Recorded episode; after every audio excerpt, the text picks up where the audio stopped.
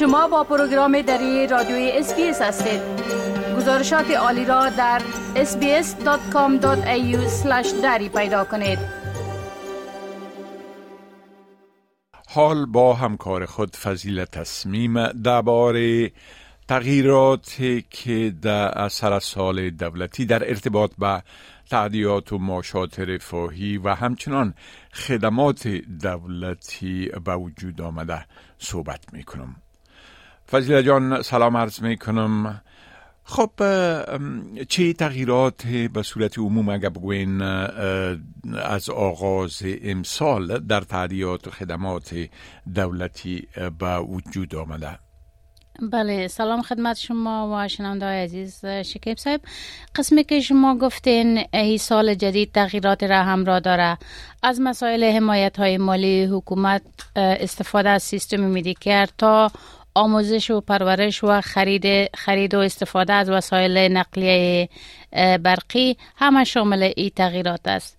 در قسمت پرداخت های رفاهی حمایت و حمایتی حکومت باید یادآور شوم که در حدود 936 هزار کسانی که پرداخت های حمایتی یوت الاونس و student allowance به دست میارن از افزایش 6 درصد در اوایدشان مستفید خواهند شد.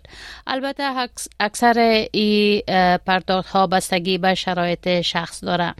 ای افزایش در کمک های مالی حکومت برای یوت الاونس و استودنت الاونس بین 22 دلار و 40 سنت الا 45 دلار و 60 سنت در هر دو هفته خواهد بود همچنان ای افزایش در پرداخت های مالی آستدی بین 36 دلار و 20 سنت الا 45 دلار و 60 سنت و برای متقاعدین, و کسایی که آید معلولیت یا disability support پنشن به دست میارن 31 دلار و 10 سنت الا 44 دلار و 90 سنت در هر دو هفته خواهد بود.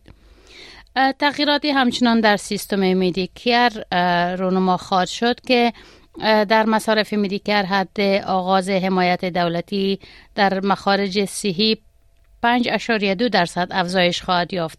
ای به این معنی است که دارندگان کارت Medicare 560 دلار و 40 سنت در هزینه حمایتی حکومت بیشتر خواهند پرداخت. ای حدود مصارف Medicare برای دارندگان کارت تخفیف یا concession card و کسایی که مزایای مالیات برای خانواده ها یا فامیلی تکس بنفیت پارت ای را به دست میارن 811 دلار و 80 سنت و 2544 دلار برای هر کس دیگه است. بله خب در بخش خدمات دولتی در سطح ایالتی هم تغییرات به وجود آمده. اگر در ای باره لطفا یک مقدار روشنی بیاندازین. بله شرایط استفاده از گاز من حیث ماده سوخت هم شامل تغییرات در سال نو 2024 است.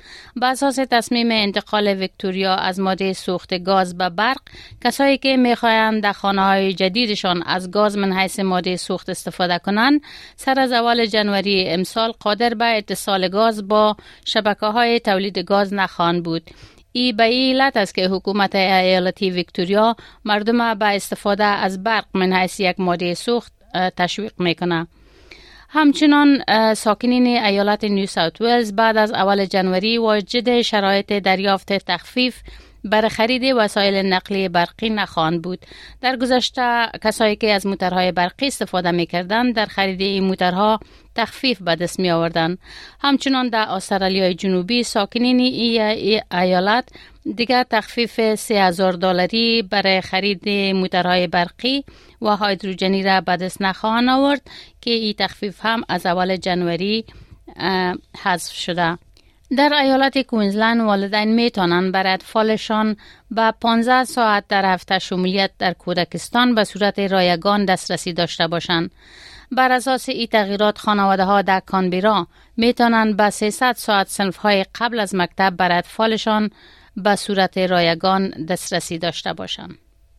بله خب حکومت فدرالی در قسمت دخانیات و بخصوص استعمال سیگرت الکترونیکی یا vaping هم یک مقدار محدودیت های وضع کرده اگر در این باره لطفا توضیحات بتین بله مبارزه حکومت فدرال استرالیا علیه استفاده از نیکوتین و سیگرت کشیدن هم از اول جنوری امسال جدیتر آغاز میشه.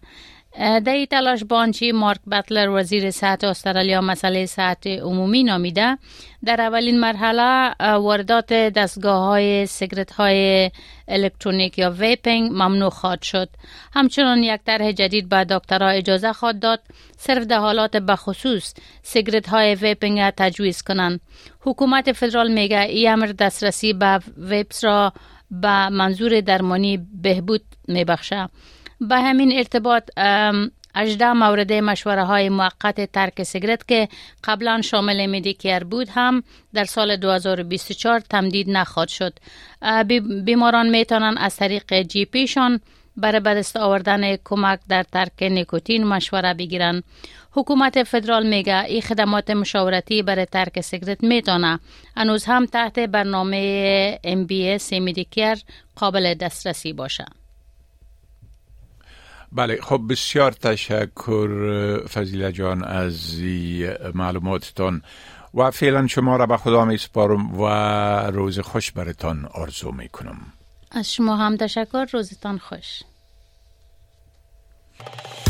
بپسندید شریک سازید و نظر دهید. اسپیس دری را در فیسبوک تعقیب کنید.